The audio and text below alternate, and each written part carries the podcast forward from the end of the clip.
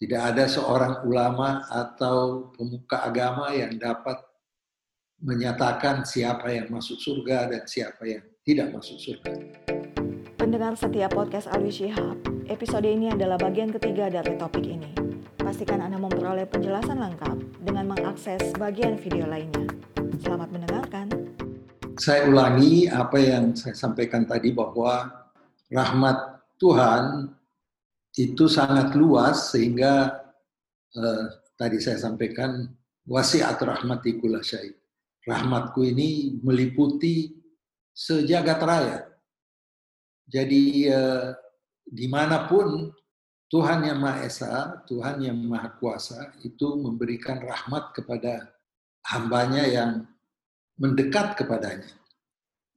Dari itu tanda-tanda rahmatnya kepada kita sekalian yang ada di uh, dunia ini bahwa waktu menggambarkan uh, surga, Al-Quran menyebutnya sebagai surga yang luasnya arduhas samawat wal ard. Artinya sangat luas kalau bicara tentang surga.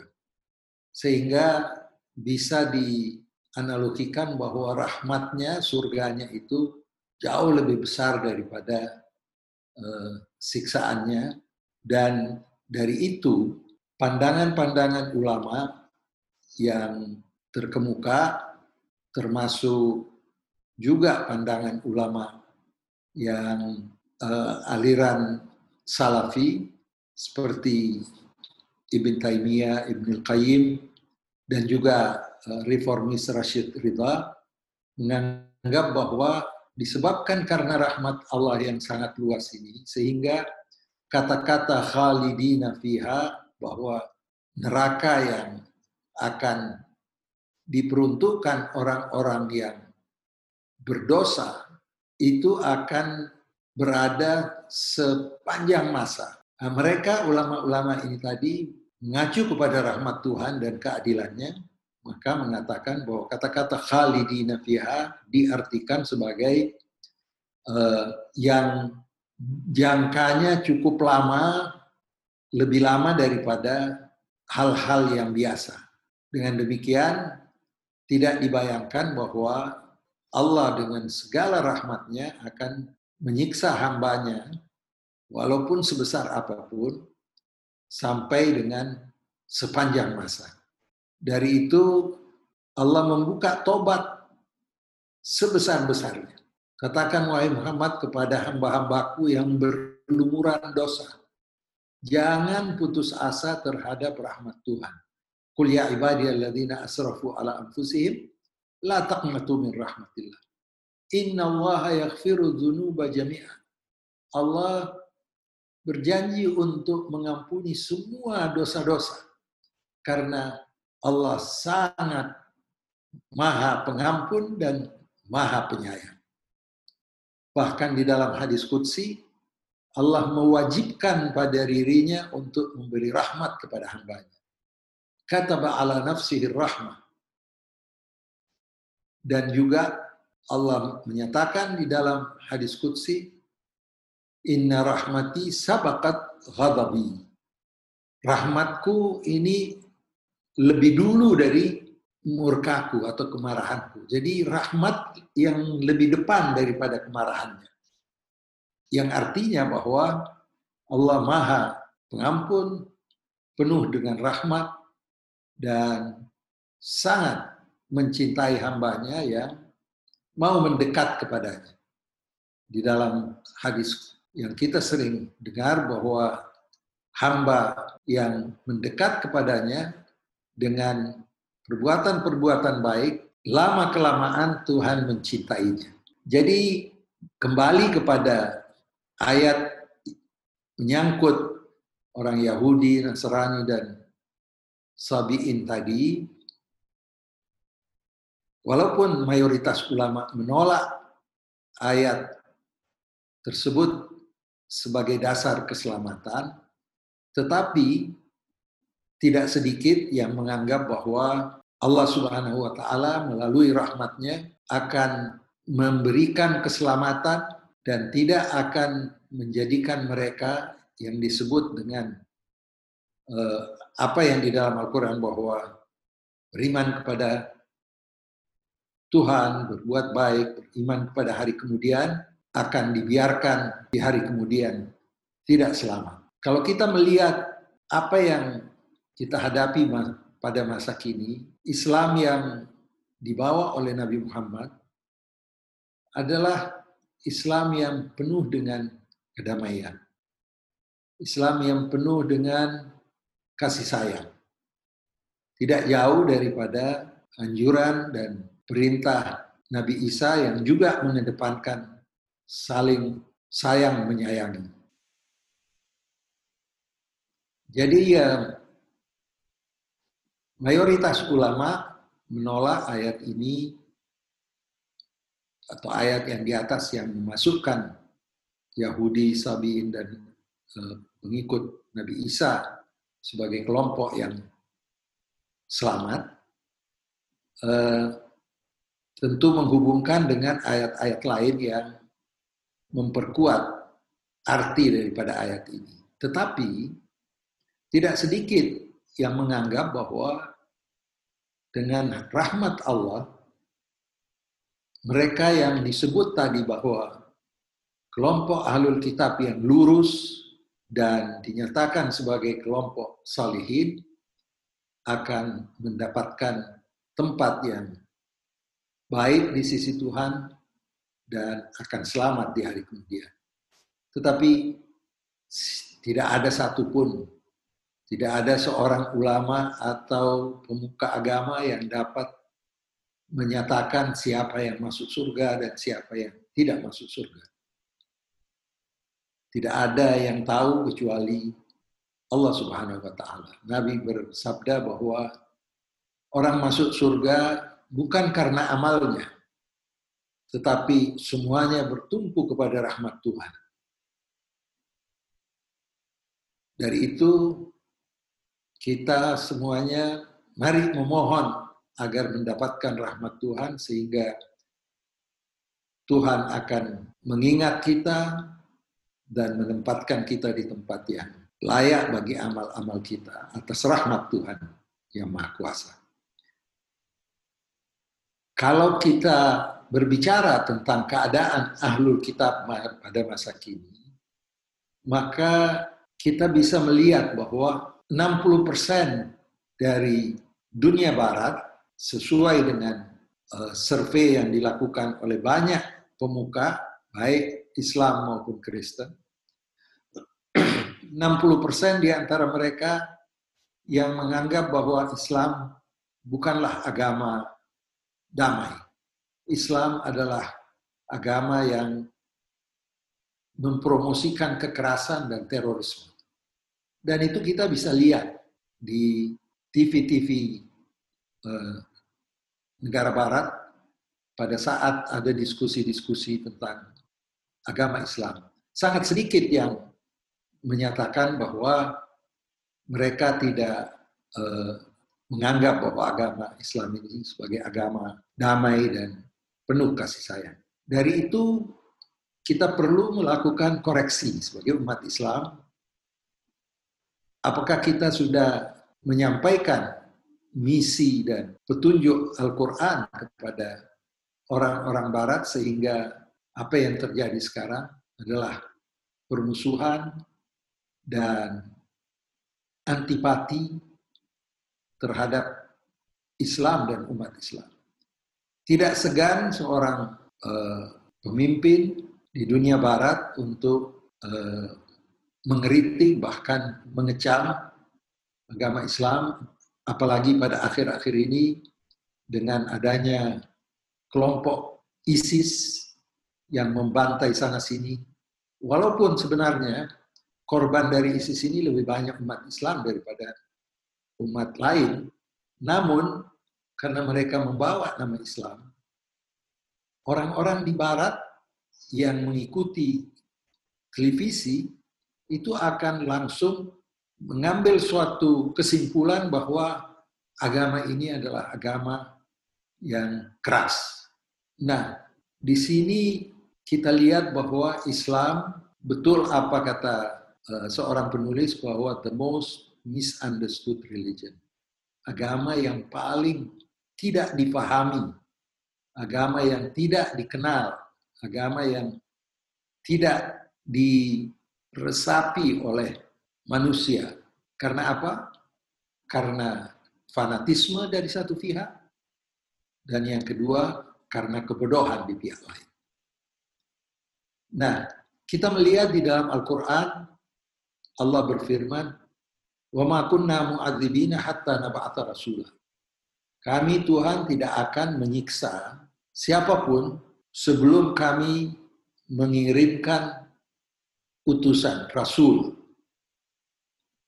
Dalam konteks sekarang ini, Rasul karena sudah tidak ada, maka al-ulama warasatul anbiya. Ulama-ulama inilah yang menjadi kepanjangan tangan dan eh, yang bisa berbicara atas nama Rasulullah menjelaskan Islam kepada non-muslim. Apa yang terjadi bahwa ternyata 60% tidak eh, mendapatkan atau dia mendapatkan informasi tentang Islam tetapi sudah penuh dengan distorsi. Menurut ulama-ulama besar, dari Syekh Mahmud Shaltut, Grand Syekh, pada tahun 70-an atau 60-an, lalu ada tokoh dari Saudi Arabia, Syekh Al-Fauzan, dan juga Syekh Azhar sekarang, menyatakan bahwa persyaratan untuk uh, mereka yang telah mendapatkan informasi tentang Islam adalah nomor satu mereka yang sudah menerima informasi tentang agama Islam. Jadi yang bisa diterapkan dengan kata-kata atau firman Allah tidak akan menyiksa orang yang tidak sampai kepadanya risalah Islam atau misi Islam, maka persyaratan yang bisa di, yang diperinci oleh tokoh-tokoh muslim ini Antara lain adalah persyaratannya bahwa seseorang yang sudah menerima informasi tentang Islam. Saya kira hampir semua di dunia ini sudah tahu bahwa ada agama yang namanya agama Islam. Kecuali di daerah-daerah terpencil mungkin di Afrika atau di mana-mana yang tidak uh, tidak pernah sampai apa yang namanya agama Islam. Ini yang pertama.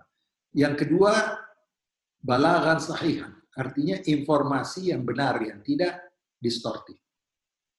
Informasi yang benar yang sampai kepada mereka yang sudah menerima Islam. Nah, di sini kita melihat bahwa pada umumnya orang-orang yang menerima informasi tentang Islam dan yang menjadikan 60% orang-orang barat itu tidak senang dengan Islam bukan karena apa? Karena dia belum menerima informasi yang akurat, yang komprehensif tentang Islam. Dan yang ketiga, yang akan menjadi sasaran yang dan bertanggung jawab terhadap eh, perilakunya adalah mereka yang mempunyai tingkat intelektualitas yang cukup. Jadi kita tidak bisa menghukum bahwa ada orang di desa, walaupun di Amerika, dia tidak menerima Islam, dan dia dia menerima Islam tetapi dia hanya menerimanya melalui TV dan sebagainya bukan itu yang dimaksud mereka yang menerima Islam dan mereka itu adalah orang-orang yang memiliki intelektualitas yang memadai yang bisa membedakan yang mana yang benar dan yang mana yang salah. Yang keempat, mereka yang sudah memenuhi persyaratan tadi harus juga meluangkan waktu untuk melakukan penelitian tentang agama Islam. Jadi bukan saja menerima, tetapi meneliti. Dan pada akhirnya dia tahu bahwa agama Islam ini memang berada di jalan yang benar. Kalau orang tadi ini yang sudah menerima informasi secara utuh, dan dia mempunyai tingkat intelektualitas yang memadai dan sudah melakukan penelitian dan menyadari dan mengakui bahwa Islam ini memang benar, lalu mereka mengingkarinya, maka mereka termasuk orang-orang yang bertanggung jawab di hadapan Allah Subhanahu wa taala. Jadi kalau kita lihat di Amerika sekarang ini, saya 10 tahun di Amerika, banyak sekali orang tidak tahu apa sebenarnya Islam. Saya pernah mengajar Islam di beberapa universitas. Kelas pertama selalu saya berikan kuesioner. Pada umumnya, itu mereka mahasiswa. Itu betul-betul tidak tahu tentang Islam. Bahkan ada mahasiswa yang setelah selesai course itu menyatakan bahwa oh kalau begitu Nabi Muhammad ini yang tidak terlalu jelek ya. Artinya apa? Apa yang ada di benaknya sebelumnya ini bahwa Nabi ini adalah Nabi yang palsu dan yang tidak membawa kebaikan.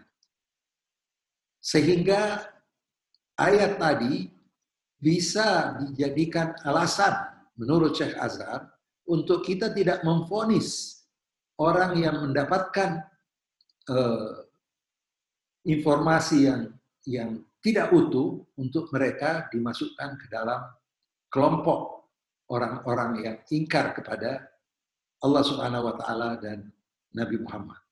Jadi dari 60% ini saya kira lebih dari 50% orang di Amerika itu yang tidak tahu Islam yang sebenarnya.